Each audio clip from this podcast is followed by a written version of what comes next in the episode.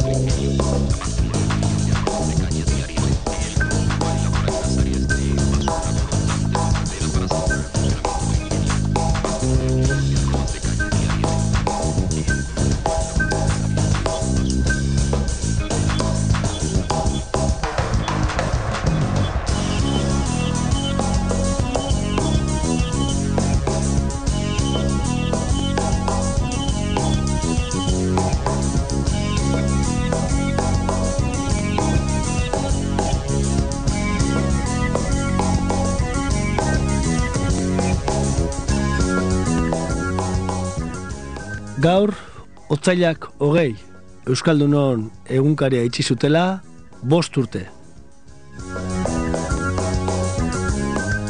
Gaur, otzailak hogei, Euskaldunon egunkaria itxi zutela bost urte, eta irratia.com emankizunean zaude.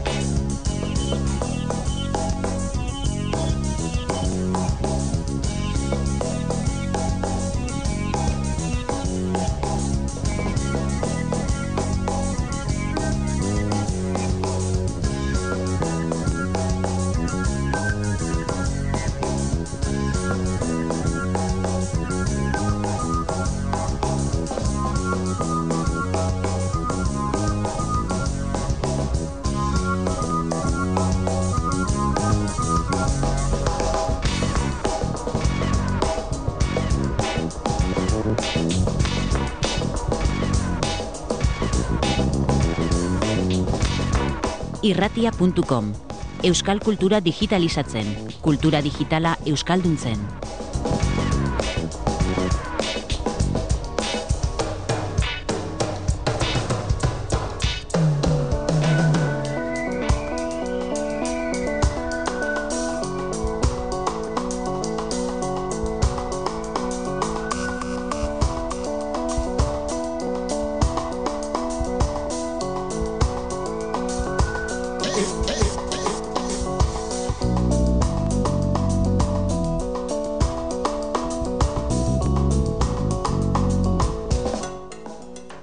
Egunkaria aurrera, zen e, 2002ko otxailaren hogei, hogei horretan e, zabaltzen hasi zen e, leloa, zabaltzen hasi zen e, aldarria, gaur egun tag bat e, daukau, egunkaria libre eta denborak aldatu diren seinale, bost urte pasatu dira eta 2.0 aroan gaude.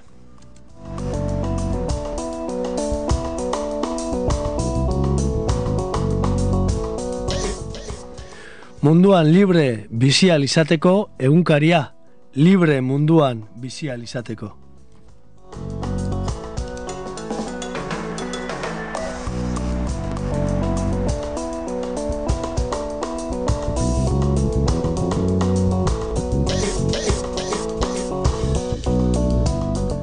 Eta guk gaurkoan Bilbotik, Andoainetik, Barcelonatik, Euskal Herritik, Mundura saio berezia eingo dugu. Emankizun berezia egunkariaz berba egiteko.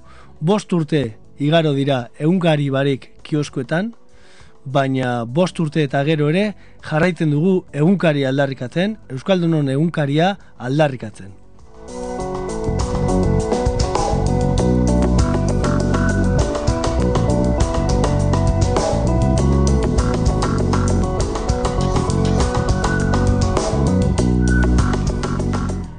Kolpe bortitz bat etxeko atean eta abra la Guardia Civil gaur bost urte atzera egin eta horixe etortzen zaio gogora Martxelo diri. Hori eta pijaman atea ireki zuela. eta fusilen ahoak begira zituela, alako auto txiki bat irakurri ziotela, bere atxiloketa eta egunkariaren itxiera. Eta orduan txe ikusi zuen e, urteetako lana goiti bera abailtzen. Eunka langileren lana milaka herritarren sostengua, elastiko eta bizera guztiaiek, gure kasetariak, palestinara, olimpiadetara, eta ez dakit nora bialtzeko alegina. Den dena, dena sustatu zen, une hartan. Goizaldeko ordu bat ingurua zen. Amabi ordu iraun zuen miaketen ondoren, Madrilera eraman zuten atxilotuta.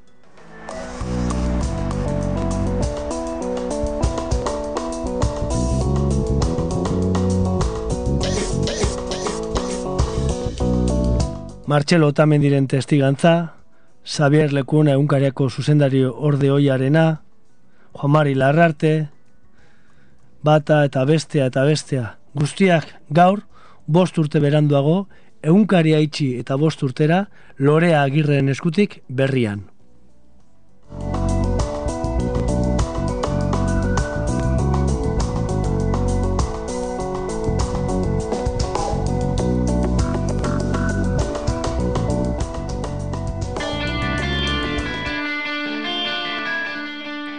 Egunkaria itxi bakarrik ez, Iñaki Uria, Juan Mari Torrealdai, Txema Usmendi, Peio Zubiria, Xavier Oleaga, Fermi Lascano, Ima Gomila, Luis Goya eta Xavier Alegria atxilotu zituzten gau hartan.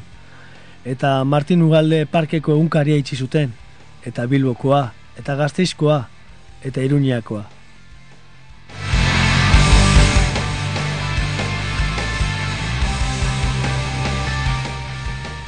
Handik batzutara, jakin genuen zen nolako tratu txarrak eta torturak eh, jasan zituzten atxilotuek, baina denborarekin ere konturatu gara zenolako galera, zenolako jauzia izan zen, eh, jauzi errepresiboa egunkariaren iztea, ez da?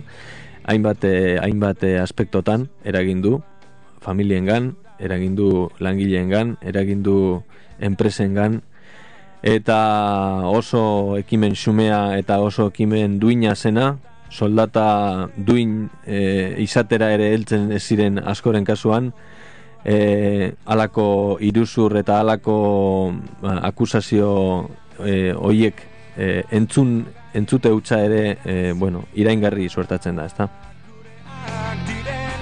Osa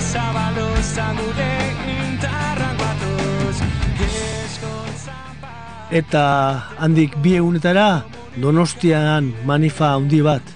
Mundu bat eunkarean alde titulatu zuen biharamunean, orduan presaz idazten zen egunero horrek.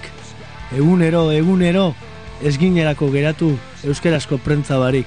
Egunero izan genuen, zer irakurri. Elkartasun adirazpenak egiteko, albiste normalak emateko eta irakurtzeko. Eta tartean egunero, egunero, beste egunkari berri bat prestatzen. Zarrak berri, berria eta egunkaria.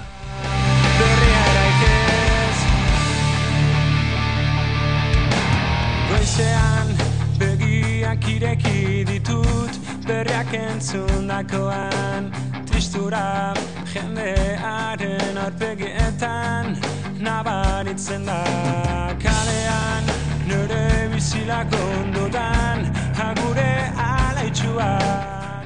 Eta gogo eta polita egiten duena Xabier Lukonak. Nik uste nuen txikieki, txikiegiak inela, estatuak bazituela helburu handiagoak, baina ikusiak ikusita eta irakurriak irakurrita konturatzen zara, euskaraz bizitzen saiatzeak nolako mina egiten dion eta ikasi du min egiten badiozu, buelta jasotzen duzula. Komunikabideen artean euskal daukagu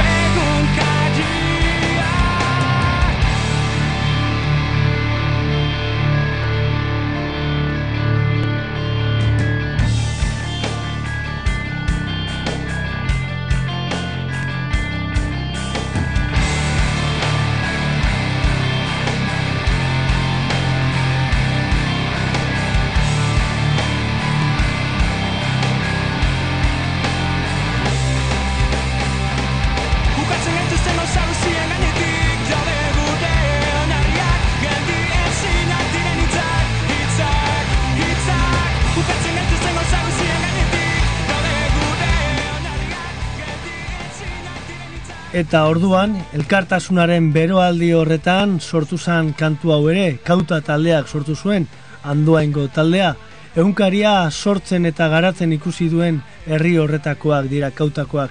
Eta gaur, andoainen Martin Ugalde Kulturparke horretan, bost urte beranduago, egunkaren aldeko konzentrazioa deialdia elkarretaratzea eginda. Bertan izan da besteak beste, gaur gurekin daukagun, Juan Luis Zabala, Pipi, idazle eta kasitaria. Eguerdion, Pipi? Bai, kaixo. Konta guzu, zer bizi izan duzue gaurkoan andoainen bost urte beranduago? Bueno, ekitaldi bat, e, hori bost, garren urterun hori goratzeko, ez bakarrik e, nola izan zan gertatu sana eta egontzan erantzuna hori gogoratzeko ere izan da, baina baita ere aurrera begira, batez ere, ba, epaiketa etor daitekela kontuan hartzeko, eta, bueno, neurri batean, e, tor daitekenaren aurrean, bueno, nola baiteko elkartasun agerpen bat, eta indar, ez dakit, indar metaketa bat, edo prestatze lan bat, ez, e, prestatze lan bat, e, bueno, estenifikatzea bentsat, ez, eta, bueno, hori izan da, ez, e, urte horrenago goratu, eta, bueno, ba, mabi lagun inputatuta, edo, bueno, e, hausipetuta daudela gogoratu, eta bueno, e, etorreitekenaren aurrean elkartasun agerpen bat, e, ba, bueno, kulturaren mundutik, euskalgintzaren mundutik, edo horrelako zerbait esango genuke.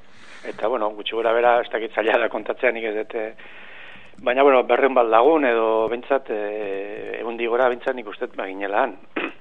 Mm, imaginatzen dut, e, ba, el, elgarretaratze horrek eta urte hurrenak eta lagun hoiek biltzeak eta ezinbestez e, gogora ekarri arazi dizuela egun hartakoa, ez da? Egun hartan bizi izan dakoa eta sensazio batzuk e, ere berdinak edo antzekoak izango dira, ez da? Bai, egia esan e, e, pereza ematen du edo nagikeria edo alako atzera kada bat ematen du gogoratze utxak ere, ez, bueno, azken finean e, bueno, ba, e, arrezkero gertatu da nonena da, ba, mm, kartzelara eraman zituztenak aske daudela, eta, bueno, egunkaria itxi basuten ere, ba, haren antzeko txapko daiteken beste periodiko batean, beste egunkari batean lehenen ari garela, eta, bueno, hori da posgarriena, ez, eta orain, bueno, beti gogoratzeak, e, alako, bueno, e, oroitzapen txar bat ere kartzen du, oroitzapen honak ere bai, ba, bueno, sortu zen elkartasuna,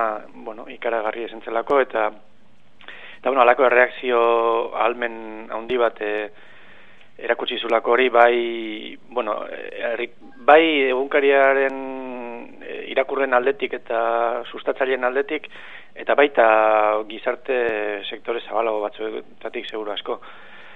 Eta, bueno, hori da, ez, Tristena da, e, bueno, e, gaur inaki huriak ere aipatu dut, aipatzen ari da, ematen dituen elkarrezketetan, ez? Ematen zuen, e, bueno, frogarik gabe, fiskalaren e, eskariri gabe, ba, bueno, kontua e, juridikoki eta epaiketari begira utxean gelituko zala, eta, bueno, nola baite e, azteko eta horria izteko aukera gongo zala, baina zoritxarrez, ba, bueno, ikusi dugu, beste epaiketa batzutan gertatu danarekin, ba, eta bueno, kontuan hartutan nun epaitu behar dituzten, ba, edo zer gauz espero ditekela, eta bueno, eskariak ere ikaragarriak dira, eta zoritxarrez e, gogoratze horrekin batera, gerora begiratu behar dugu, eta gerora begiratze horrek e, kezka pizten du. Zorionez, bestetik ikusten da, bueno, horren aurrean badagola erantzun bat berriro ere, ba, esan bezala ez bakarrik e, kaso honetan e, egunkariako langile hoien edo egunkari gertu geundenen partetik, baita irakurla izan ziren partetik eta baita sektore zabalagoetatik ere. Egunkari aurrera genioen e, orduan, duela bosturte, egia zan, e, ba, elkartasun olatu handi batek arre, astindu zuen Euskal Herria eta Euskal Herritik kanpo ere ikusi zen e, elkartasun guzti hori, eta gaur egunkaria libre e, esaten dugu, Zuretzat, egunkariko langilea, kasetaria izan zaren horrentzat, ze esan nahi dauka gaur eta hemen e, egunkaria libre horrek? Ba, e, hori leno komentatu degunaren bidetik, e, guzti hau alde batera eta astuta usteko garaia dala, ez? Alegia, bai, e, egunkaria itxi izan eta, bueno, e, ez gera hasiko orain berriro zabaltzen, batez ere, ba, bueno, e, beste bide batetik, e, beste egunkari bat, e, sortu dalako nolabaitaren lekua bete duena eta alde hortatik bueno, utxune hori e, ez dugu esango erabat, baina bai neurri batean mm, beteta daukagu eta aukera daukagu e, bueno, hor lan egiteko eta hori berritzen jar, e, jarraitzeko eta bueno, alde hortatik e, bueno, konponduta dago kontua, baina zoritxarrez e, pues, amabi hausipetu daude, e, eskatzen zaizkien kondenak e, handiak dira, eta perspektibak ez dira onak, batez ere kontuan hartuta, pues, aurreko beste peiketa batzuk ez, e, aika segirekin hasi, emezortzi laruita emezortzi, gero atutxa eta kontsi bilbao eta gorkaken erren hausipetzea, en fin, gauza ikusita, pues, e, unkaria libre izango litzateke, ba, behin goz, e, judizialki erabat e, baztertua egotea kontua, eta, bueno, lasai e, segitu alizatea, ba, Euskal Kasitaritzaren bidean, gauza horiek e, gogoratu beharri gabe edo gogoratzekotan pues festa giroan gogoratzeko besterik gabe.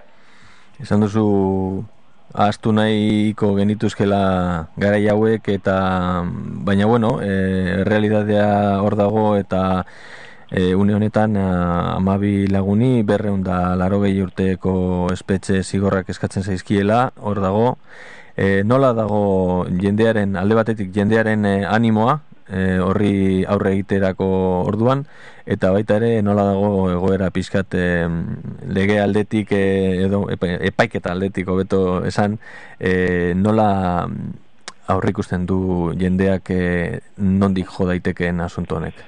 Bueno, leno komentatu duguna ez, e, Iñaki Uria berak esan du gaur eta esaten ari da elkarrezketetan, e, orain dela hilabete batzuk, e, bueno, ba, perspektibak ez zirela txarrak ez, ba, ikusita e, fiskalak e, etzula eskaerarik egiten eta eta, bueno, e, a, perspektibak hobeak ziren, baina, bueno, ikusita azken hilabetetako gertakariak eta hori, ba, dena den da, ez da, da guk oso gutxi ezagutzen dugun mundu bat, guk oso gutxi kontrolatzen dugun mundu bat, eta orduan, nik uste mezua hori dala, ez, edo zer gauza gerta daiteke, eta gerta daiteke berriak eronak izatea, berriak onak izatea ere, baina ez dakigu zer gertatuko dan.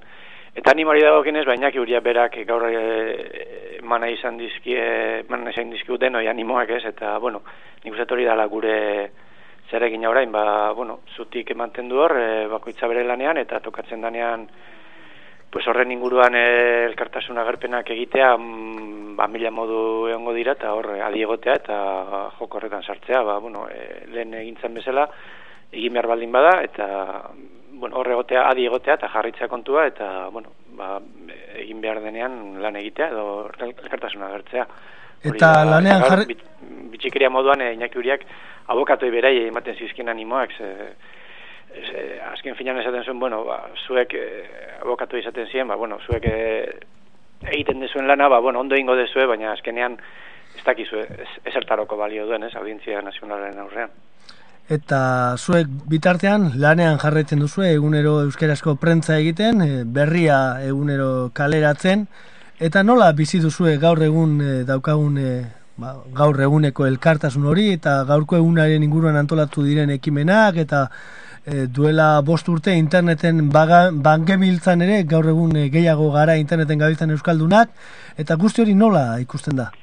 Bueno, ni horrelako ekitalietan mintzat, eh, ez dakit, sordon sentitzen naiz, ez, gertuago ikusten dut, bestela ere, ba, beti daukazu, beti dakizu redakzioan zaudenean, eta, eta, bueno, egiten desun produktu ikusten desunean, beti dakizu eh, arrazionalki, eta otzean badakizu nola sortu dan berria, eta badakizu hor, eh, bueno, herritarren bultzada eta herritarren laguntza dagoela, horrelako ekitaldietan, ba, gertu ikusten duzu, arpegia jartzen diozu, e, bueno, pues, e, berria posible egin duen jendeari, eta alako, bueno, beste zor, zor sentitze horretan, e, e, alde batetik zor duen eta bestetik e, alako, bueno, ez dakit erantzun kizun bat, edo esaten duzu, bueno, pues, nik egiten dudan lana ez da besterik gabe, ba, bueno, e, soldata bat irabazteko eta mm, egiten dudan lan bat, baizik, bueno, badago lotura bat e, beste gizarteko sektore handi batekin, eta, bueno, e, ikusten desunean elkartasun hori agertzen dela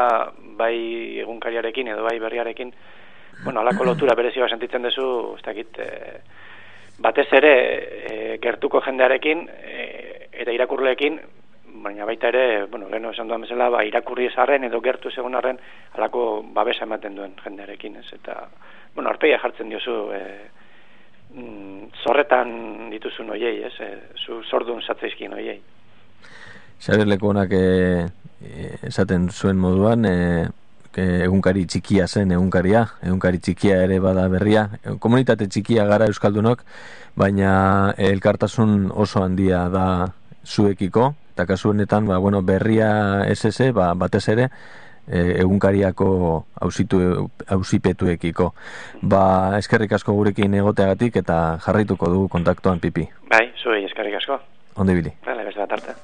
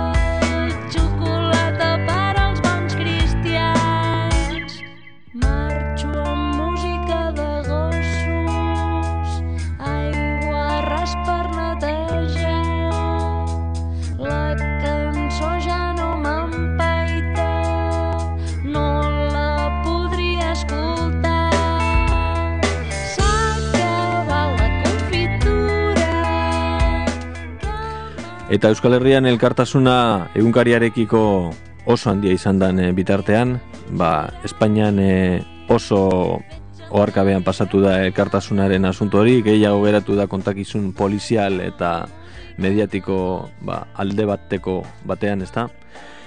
Gauza beraz da pasatu leku guztietan eta adibide oso duina da e, Kataluniatik eman digutena, ezta? Eta nolakoa izan den eta nolakoa den elkartasun hori pixkat kontatzeko ba, Jon Elordi daukagu, bera e, Bartzelonako Unibertsitateko irakaslea da eta Euskal Etxeko kidea.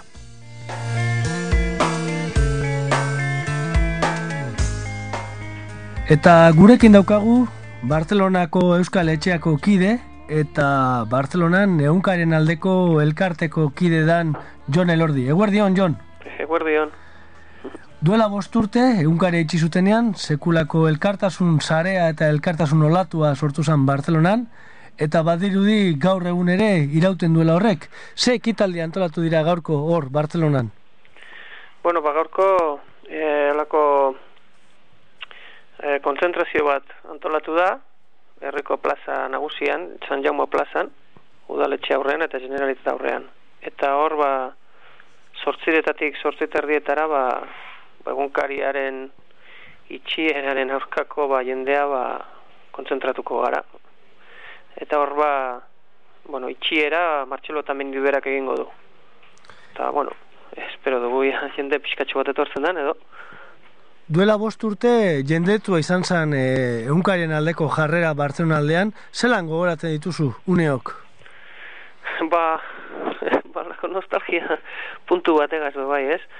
Ba, izugarrizko lan pilo egintzan, eta ez teket, gaur egun somatzen ez gauza bat, somatzen zen orduan asko, eta zen horako ilusio handi bat, eta elkarlanerako kriston indarra, ez da? Norberak ipintze ban zeo zer, baina, joder, besteak ipintze banak, norberaren indarra be kristo handi gagotu egite ban, ez?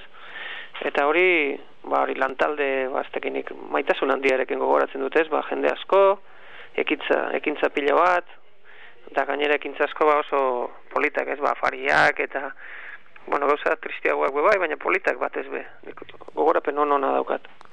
Irakeko gerra hasi barri mundu osoan e, gerraren kontrako oiluak e, ziran nagusi, eta gurean Irakeko gerra eta unkarian itxera batera etorri ziran ondo gogoan ditugu Euskal Herrian ez ezik, Euskal Herritik kanpo ere gertatutakoak eta kasuan e, bartzonakoak. Baina zuk bereziki zeintzuk gogorate dituzu jon? Ba, hala, egunkariarenak zen duzu? Bai, Jo, ba, adibidez, ba, orain, orain ez da, ez da existitzen, baina lehen, halako etxe okupatu bat zegoen jamsa deiten zena, eta han, halako marmitako herrikoi bat egin genuen, eta berreun lagun digora egon ginenan, ba, guk egin, eta gero, ba, berreun da lagun, digora, ba, marmitakoa jaten, ez? Hori gogorapen oso alaia dut horrena, Claro, gaur egun etxe hori ere ez dago, hango jendea ere, ba, beste nonbaiten egongo da, eta kar, gu ere, ba, ez gaude marmitxakoak etxeko moduan orain ez, baina hori bat, eta gero beste bat, hemen eh, unibertsitatean antolatu genituen hitzaldi batzuk. Horre, hitzaldi horretan, sekulako, ba, maila handiko jendea ekarri genuen, eta orduan, ba, oso zaila zan jendea bebai ez, ba, torre aldai bera ere, ona etorri zen lehenengo aldiz, ba, gerraldi publiko bat egitera gau, gauza guzti hori pasatu ostean, ez? Eta guretzat ba, oso importantea izan zen, ba, ia, ia, balako presupuesto handiri gabe, ba, ez dakit, ba, Ibon Sarasola etorri zen, Martxelo Tamendi, etorri alde ibera, orain hemen eh, kultura zail, zailean eh, lan egiten duen, bueno, kultura zailburu hemen gobern generalitateko erean egon zan itzaldia ematen, e, Bidal epailea ere bai, e, abokatuak, torturaren aurkako taldekoak ebe bai, ba, ez dakit, nik oso gogorapen ona dut horren Amnistia, Amnistia Internazionaleko ordezkari bat ere egon zan aman, hemen Kataluniako ordezkari nagusia, hitzaldiak ematen, eta bai, bai, bai, bai, oso, bai, gogorapen ona. eta gaur egingo duzuen ekitaldi horretan zer da egingo dena? Bueno, ba, suposatzen dut, ba, hemen gauza handirik ez, ba, egon ez, ba, kontzentratu, eta ba, ba, kartelak eta eraman, eta gero, ba, segurazki, ba, bueno, ba, itxieran, ba, biztan da, ba, mitin, bueno, mitin, e, itzaldi bat edo, egongo da, zerbait, ba, edukia duena, ba, it- itz, itzalditxo bat, bai, ez? Baina besterik gabe, ba, normalean hemen Bartzelonan hori egiten da, ez? Ba, protesta daudenean eta, ba, jendea biltzen da ba, lekuren batean, kasu honetan udaletxe aurrean, generalitzat aurrean, plaza erdi erdian eta zenbat eta gehiago izan, ba, hori da antxe egotea egingo dugu. Duela bost urtetik batez ere Barcelona eta Kataluniako elkartasun handi hori gogoratzen dugu, oraindik biziri dauena biztan da, zer uste duzu mugitu zuela horren beste jente Barcelonan eta Katalunian euskerazko egunkari baten alde? Bueno, ba hor, gauza bat baino gehiago, ez? Batetik, Katalunian euskaldun asko gaudela, eta euskaldunok euskalduna garela, ez da?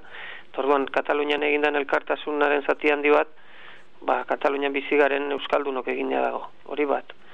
Beste gauza bada, e, katalanek beraiek ba, ikusi dutela, ba, lotxagabekeria handia dela eta beraiek ere egoera berberean egon daitezkeela, ez? Eta orduan, alde horretatik, ba, bigarren esati bat. Eta gero hirugarrenik, ba, nik uste dut, ba, egunkariarekin, halako animadversiorik gabeko talde bat zala.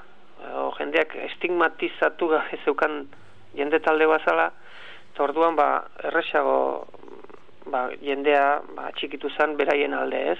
Eta orduan, hiru gauzak batuta, ba, hori ez da biderkatu baizik eta esponentzialki handitzen da, ez? Eta orduan, ba, izugarrizko, ba, ondorio po positiboak izan zituen eta eragin ona, bai, horrek, nik uste dut horrek egin zuela.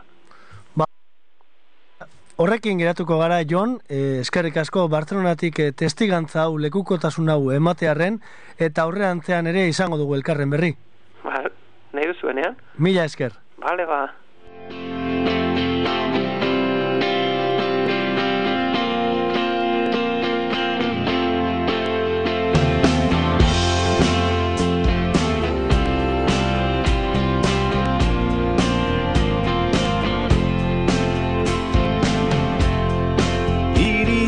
Helduak, uste handikoak gure herriaz.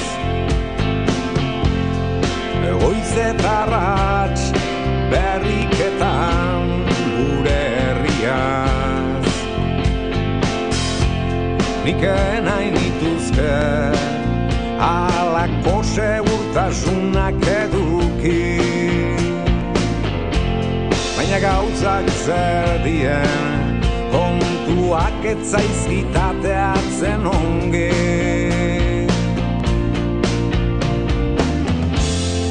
hori zuen ertia nun nahikoak dien noiena Sasi guztien gainetikan dabiltza egan Inoketzidan esana Euskaldun izatia zeinek ezadan Obenuela autatzia Mundu hoiritarri izatia Kantu leuna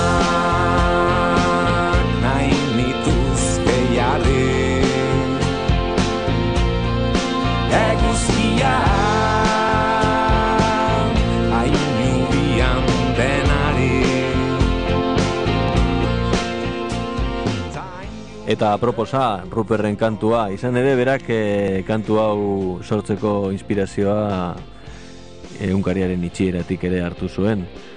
Hor eh, pare bat gako, nolako zaila den Euskaldun, edo nekeza den Euskaldun eh, izatea, eta bestetik munduko hiritarrak beste alde batera begira geratzen direla. Hala esaten didate Zertan zabiltza maite kontuetan Elkar bizitza jokuan Eta zu berriz bertso txikietan Kantu leunak nahi dituzke jarri. Eguzia denari. Zaindu maite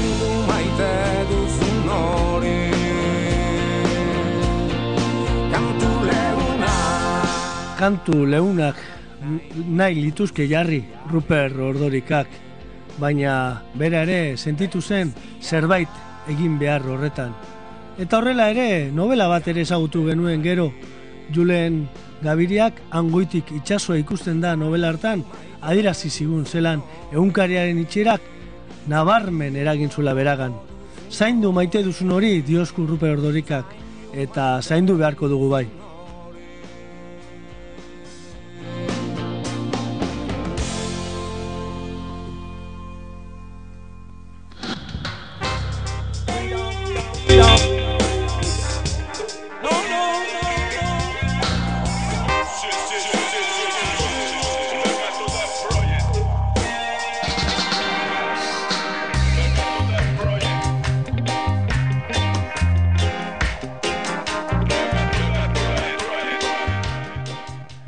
Doinu lasaiagoak ere gaurkoan andoainen hasi dugu emankizuna, Bartzelonan jarraitu dugu, baina Bizkai aldera gatoz. Bizkai aldera izan be, Bizkaian be badira ekitaldia gaurko, eta horretan Goton Hermosilla, egunkariako zein berriako kasetaria daukagu gurekin. Eguerdion Goton, Epa, egunon. zer moduz bizi dugu gaurko eguna bost urte beranduago? Ba, bueno, pentsa dezakezu ez, e, oroitzapen asko datoz burura eta ba, ba hori, gauz asko gogoratuz eta tristezia apur batekin ere bai. Bost urte pasa dira, baina euskara, euskarazko prentzak aurrera egiten du. Zer daukagu gaurko hemen eh, Bilbo eta Bilbo inguruetan? Ba, Bilbon batez ere hori, deialdia da zazpiterdietan, e, udaletxearen aurrean, eta han, e, ba hori, hainbat euskaltzalek deialdia egin dute, ba hori, ba, mundu guztia ara joan, eta han elkarrekin, ba, argazkia egiteko. E, horretaz aparte badakit beste deialdi batzuk ere badaudela Bizkaian getxon esaterako, oker ez banago gaur iluntzean beste elkarretaratze bat egongo da, baina, bueno, hemen Bilbon bintzat e, garrantzitsuena, importanteena lehen aipatu duguna. E, udaletxeren aurrean, zazpiterdietan, e, ba hori, ba elkarrekin e, egunkeriaren itxieraren kontra eta badatorren epaiketa horren kontra protesta egin eta bide batez ba, elkartasuna adieraziz ba, elkarrekin argazki bat egiteko. Bizkaian eh, ere, egunkaria itzi zutenean eh, jendearen e, erreakzioa ere herririk herri bi, e, bueno, alako elkartasun nolde handi bat izan zen. Nola gogoratzen duzu hori? Nik badakit, e, bueno, herri askotan antolatu zirela alako plataformak, alako ekitaldiak, e, gero ba, bueno, berrira, berria sortzeko ere dirua biltzeko. Nola gogoratzen duzu hori? Baita ere, la kasilla gogoratzen dut, nola agertu zineten zuek e, ba, ekitaldi handi baten, ezta? Ba, bai, bueno, egun kaiaren inguruan nik gogoratzen dudan lehenengo gauza da, ba hori, ni oean nengoela eta telefonoz deitu zuten, e, Bizkaia irratiko lankideek deitu zuten, e, galdetu ziaten ia, ia banekien, sekretatzen ere izan, eta nik ez ez, esan nuen. Eta horren esan ziaten egunkariako, egunkariko hainbat eh, lagun, atxilotu zituztera, tartean Martxelo Tamendi zuzendaria, eta eta eta hori eta e, andoingo egoitza miatzen ari zirela. Besterik ez ziguten esan. Orduan arrapala bainoan ginen e, bilboko egoitzara eta ara llegatu ginenean ba ikusi genuen guardia zibilak e, ordurako ja alde egiten ari zirela. Orduan ari ziren jartzen e, ba hori ba taula e, atea zigilatzeko. Alde egin zuten justo gu egatzen ari ginenean eta antxe gelditu ginen. Sartu ezinik inor ere ez eh, kalean eta nahiko sensazio desatxe eginarekin. Eta hori egin genuen lehenengo gauza izan zen ospitalera joatea, orduan e, basurtoko ospitalean e, garai hartan e, egunkariaren bizkaiko arduradun zen e, Iñaki Uriarte, ba hori han ospitalean zegoelako eta ara joan ginen e, gertatutakoaren berri ematera eta fur bat e, elkarrekin egotera eta elkarri animoak ematera, ba, ba hori, ba, lehenen gordu haiek nahiko mingotxak eta nahiko zailak izan zirelako. Baina zuko zondo esan duzu moduan, e, handik gutxira, handik ordu gutxitara panorama erabat aldatu zen, eta urrengo egunetan eta urrengo hilabeteetan, benetan sentitu genuen herri-zerri, jendearen, elkartasunaren beroa, eta aurrengo hilabeteak benetan zoratzeko modukoak e, izan ziren, lan handia egin behar izan genuen, herri zerri, herri guztietara, ba hori baitzaldiak ematera joan, e, elastikoak eramatera, karterak eramatera, herri guztietan e, ba hori, ba, herri guztietan sortzen ari ziren e, egunkareraldeko batzordeak e, laguntzen, aholkoak ematen eta horrela, Eta beretan sentitu genuen, lehen esan dudan moduan hori, ba, jendearen beroa eta jendearen e, elkartasuna. Eta, eta benetan e, hilabete horietan bizi izan dakoa e, egunkaiaren langile hoiok ez daukagu azteko. Egunkaria aurrera izan ziren orduan e, e, autatutako mesua, zabaldu zena, edatu zena, e, lau aizetara gainera, Euskal Herritik e, kanpora, mundura ere egin zuen oioa, eta gaur egun egunkaria libre da dioguna. Zer esan nahi du zuretzat egunkaria libre horrek gotzun? Ba, ba hori, ba egunkariak eta euskal prentzak e, aurrera egin behar duela, e, oso pandiak dauzagula aurrean, eta hoien artean txikiena ez da, ba hori, ba antzadenez laster etorriko zaigun epaiketa, Eta gure ustez gaur egun egunkaria libre, egunkaria aurrera, horrekin esan nahi duguna da, mm, ba hori, ba aurrera egin behar dela, eta batez ere une honetan, ba epaiketa hori e, aukeran, e, posible baldin bada, ez dakigu horretarako aukeran dirik egongo dan, baina bertan bera, utzi behar dela, badakigulako, ba hori, ba, beste aurrekari batzuk baditugulako, eta ba, badakigulako Euskaldun ontzat, e, Espainiako justizian, ba justizia gutxi, egoten dela, eta eta badakigu zer etor daitekeen epaiketa horretatik.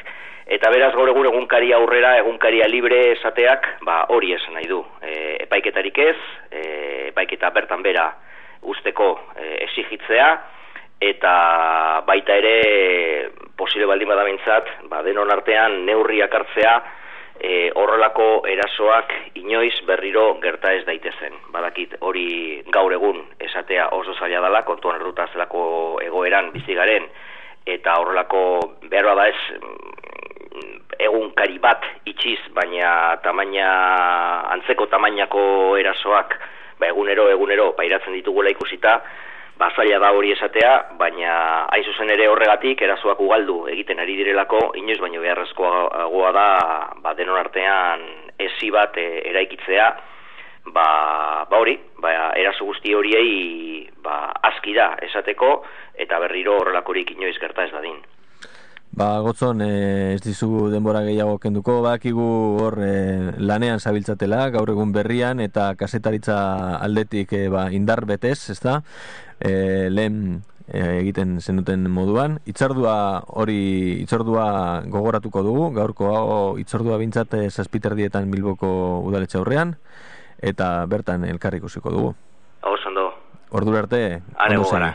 gero arte.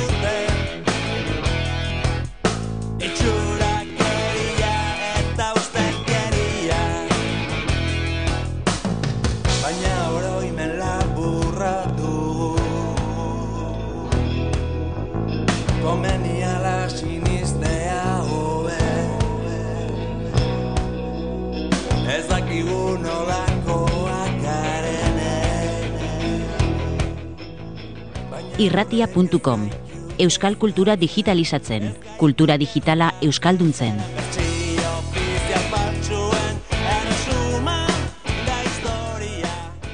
Horregatik, hain zuzen ere, bertzio ofizial faltzuen erresuma bilakatzen ari delako historia.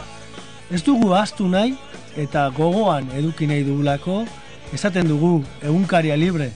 Eta horregatik ari gara sarean, lanean, internetetik mundura jaurtitzeko gure mezua, gure hitzak, gure berbak. Eta orain, sarearen errepaso bat ingo dugu, egunkaria libre honi gagozkiola.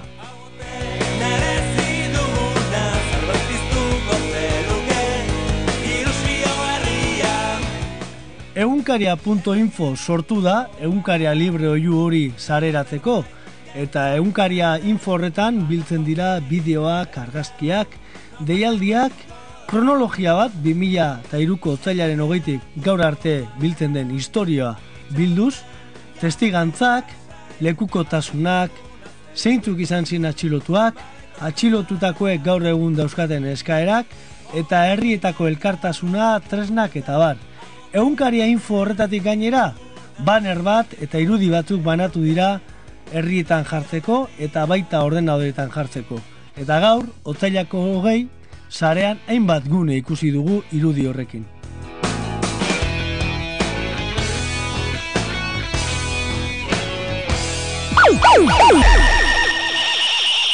País Vasco llamando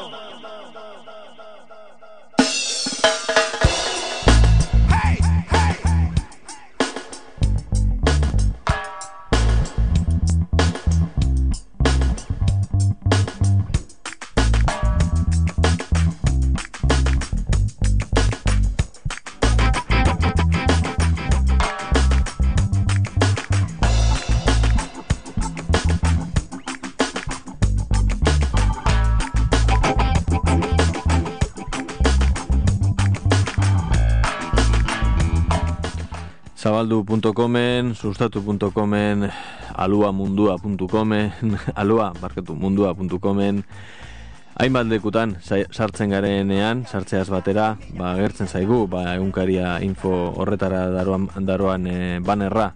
Kampaina bat da, interneten nork bere web edo blog horretan e, ba, banner hori jartzeko eta gaur egun gaur gaurko egunez jende asko ari da jartzen e, horretara egunkaria.info horretara bideratzen duen banerra. Berria.infon, armiarma.comen, susa literaturan, argian eta zenbait blogetan ere ikusi dugu hori. Izan ere ekimen e, polita izan da, sareko ekimen bat, ekimen apala, ezelango webunerik ez ikustea ez dakarrena, baizik eta segundo batutan egun, e, egunkarean aldeko irudia handi hori ikusten dugu, gogoratzen duena gaur duela hoge, bost urte egunkaria itxi zutela, oraindik itxirik darraiela, eta gero, ba, klikatu dugun webgune horretara sartzen da.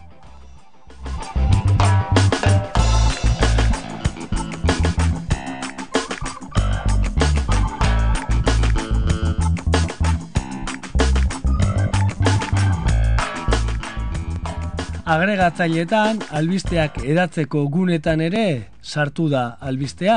Zabaldu.com ai- aipatu dizuegu, bai alafatanera Kataluniako zabaldu.com horretan ere albistea hor dago. Eta meneamen ere hor dago, baina zailtasuna ditu meneameko albisteek portadara igoteko izan ere balen jabek aipatu duen hori ez. E, Espainiarren aldetik boto negatiboak e, hartzen ari da albistea, e, egunkariaren historia azaltzen duen albiste hori eta bueno, saiatuko dira behin baino gehiagotan e, gure ahotza isilarazten, baina euskaldunak eta euskaldunekin e, elkartasunez ari diren e, asko eta askok dagoeneko eun boska eman diote meneameko horri eta jendeak e, epai dezala, baina albistea zabaltzeko modua modukoa da behintzat. Ni neunaz eh, asko sartzen eh, meneame.neten, baina entzun da daukat, eh, bueno, ba, segun ze, zelako loturak jarri eta komentatzen diren, ba, arriskoa handia dela, ba, alako ba, gimnasioko saku hoietako bat bihurtzeko, ez da?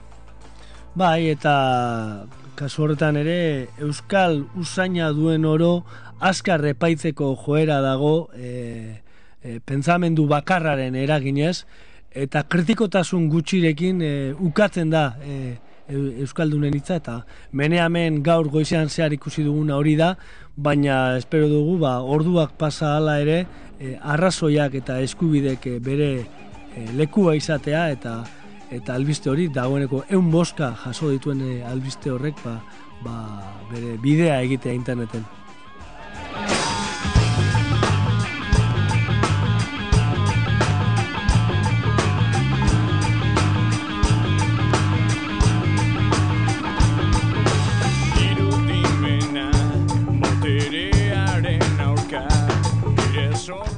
Baina garrantzitsuena hori da, sarean ere elkartasuna egunkaria libre hitz hoiek eh, nagusitzen ari direla. Eta blogariek hitza darabilten blogariek ba euskaldunon egunkarien alde ere egin dutela. Eta alde horretatik ba sortu da blog berezirik ere bai. Adibidez, Javier Ortizen eh, webgunean Luistxo Fernandezek sortu duena Boz egunkaria izenekoa eta bertan gaztelaneaz ba, webgune, webgune horretan egunkariaren historia kontatu nahi du eta egunkariaren itxera salatu nahi du eta nolabait gaztelaneaz ba, ba, bide bat egin nahi du gogo eta horretan eta eta gaztelaneaz mintzo direnen artean ba, eragin nahi du iritziaren aldetik.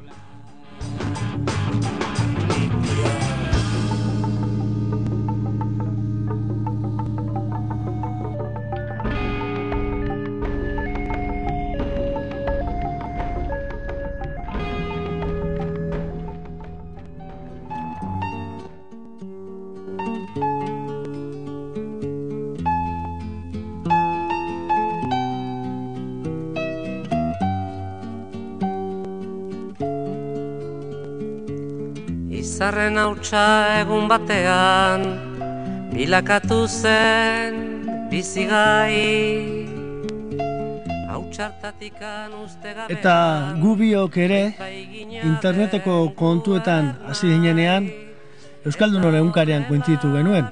Han eh, egin ginen ezagun eta zieurazkian egingo ginen lagun, ez da Javi?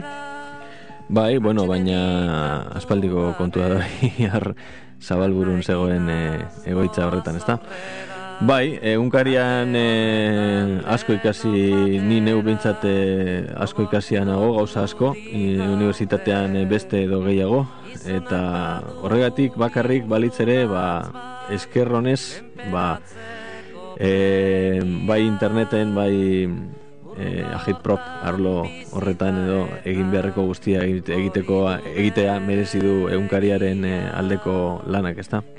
Amaika amabi urte izango dira eh, elkar ezagutu genuela eta eta internet erabiltzen hasi ginen moden bat baino ez zeukan e, e, e, bulego hartan modena zeukan hasieratik e, egunkariak ba, artxibuak e, lasartera eta andoainera pasatzeko gero argazkiak e, pasaten hasi ziren eta gu heldu baino beranduago helduko zen e, internet egunkarira ere kontua da gerora jabik e, interneti buruzko artikuluak idazten zituela astero egunkarian eta egunkaria iztean artikulu guzti horiek ez galteko e, ekimen berri bat abiatu zuen.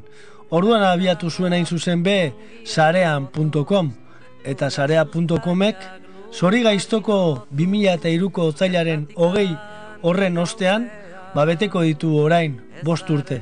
Javi, kontatu, zelan sortu zenuen sarean.com?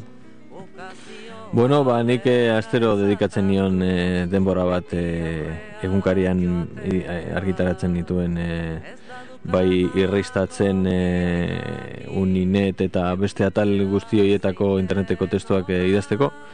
Eta nola denbora hori nola libre geratu zitzaidan ba, sareanen eh, biltzera dikatu nintzen ez da sarean eh, dominioa baneukan alde zaurretik eh, hartua izan ere alako interneti buruzko albistegi bat e, izan zen e, asmoa, alako sustatu bat, e, sustatu hasi baino lehen, hor, hor geratu zen, sarean hori neukan eta orduan e, pentsatu nuen ba, bertan jarriko dut e, ba, bueno, alde batetik egunkarian ateratako material guztia, interneti buruzko izanik, interneten egotea interesante izango zela pentsatzen nuelako. Eta bestetik, ba, bueno, ba, omenaldi moduan, egunkariari, eta eta baita ere salaketa moduan, ezta? Naturarekin bat izan eta Eta sareanko morretan topatuko ditu irakurleak mila bederatzerun da larogeta mazazpiko abuztuko sei artikulu, larogeta mazortziko artikulu mordo bat, eta artikulu guzti horiek bukatzen dira ba, 2000 eta iruko otzailean. Kasu horretan, irristaten zaileko ia berreun artikulo, Kulturnet begiako hogeita mazortzi, Nabiganeko berrogeta bi eta Unineteko larogeta bost. Euskaldunon egunkarian idatzitako Javi Zabalaen artikulua dira, eta horiek izan ziren sarean.com artxibo digital erraldoi horren eh, oinarria. Gerora blog bilakatu zen, eta gainera euskarazko lehenengo blog pertsonala izan zen.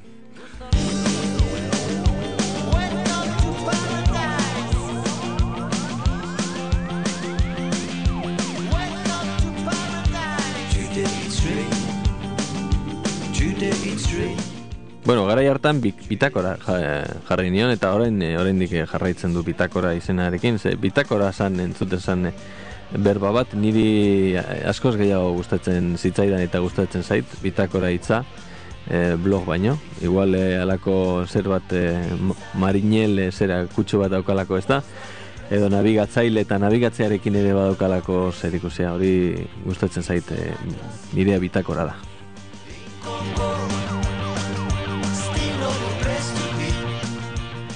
Eta bitartean guk irratiakom egiten dugun lagunok jarraiten dugu lagun izaten, jarraiten dugu euskeraz munduari gure kulturaren berri ematen. Eta horretan ba, internet baliatzen dugu, FM-ko uinak baliatzen dugu, ditugu eta jarraitu nahi genuke hau egiten. Eta bide lagun izango ditugu Euskal Prentzako lagunak, Euskal Argitaletxe, Disketxe, irrati libre, irrati euskaldun, komunikabideetako kideak, eta guk ere egunkaria libre e, nahi dugu, euskaraz munduari komunikatu izateko. Sintonia, aldosumea. Irratia.com Pentsatu lokalki, eragin globalki.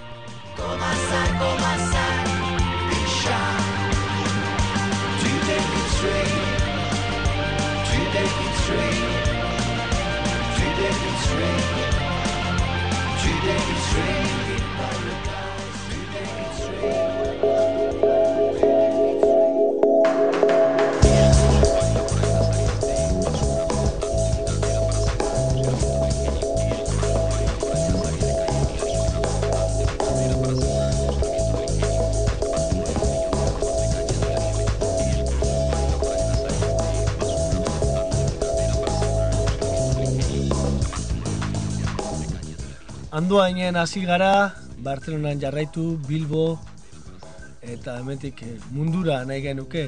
Elkartasun keinua izan da gaurko irrati emankizun berezi hau. Euskaldunon egunkariaren itxiera salatu, egunkaria libre zan, eta aurrera goazela adierazteko. Juan Luis Zabala Pipi, John Elordi, Gotzon Hermosilla izan dira gurekin, eta zuek entzuleok. Astero, podcast hau, irrati emankizun hau, saio hau entzuten duzuen guzti horiek. Bakizue, etiketa bat dabil sarean, egunkaria libre.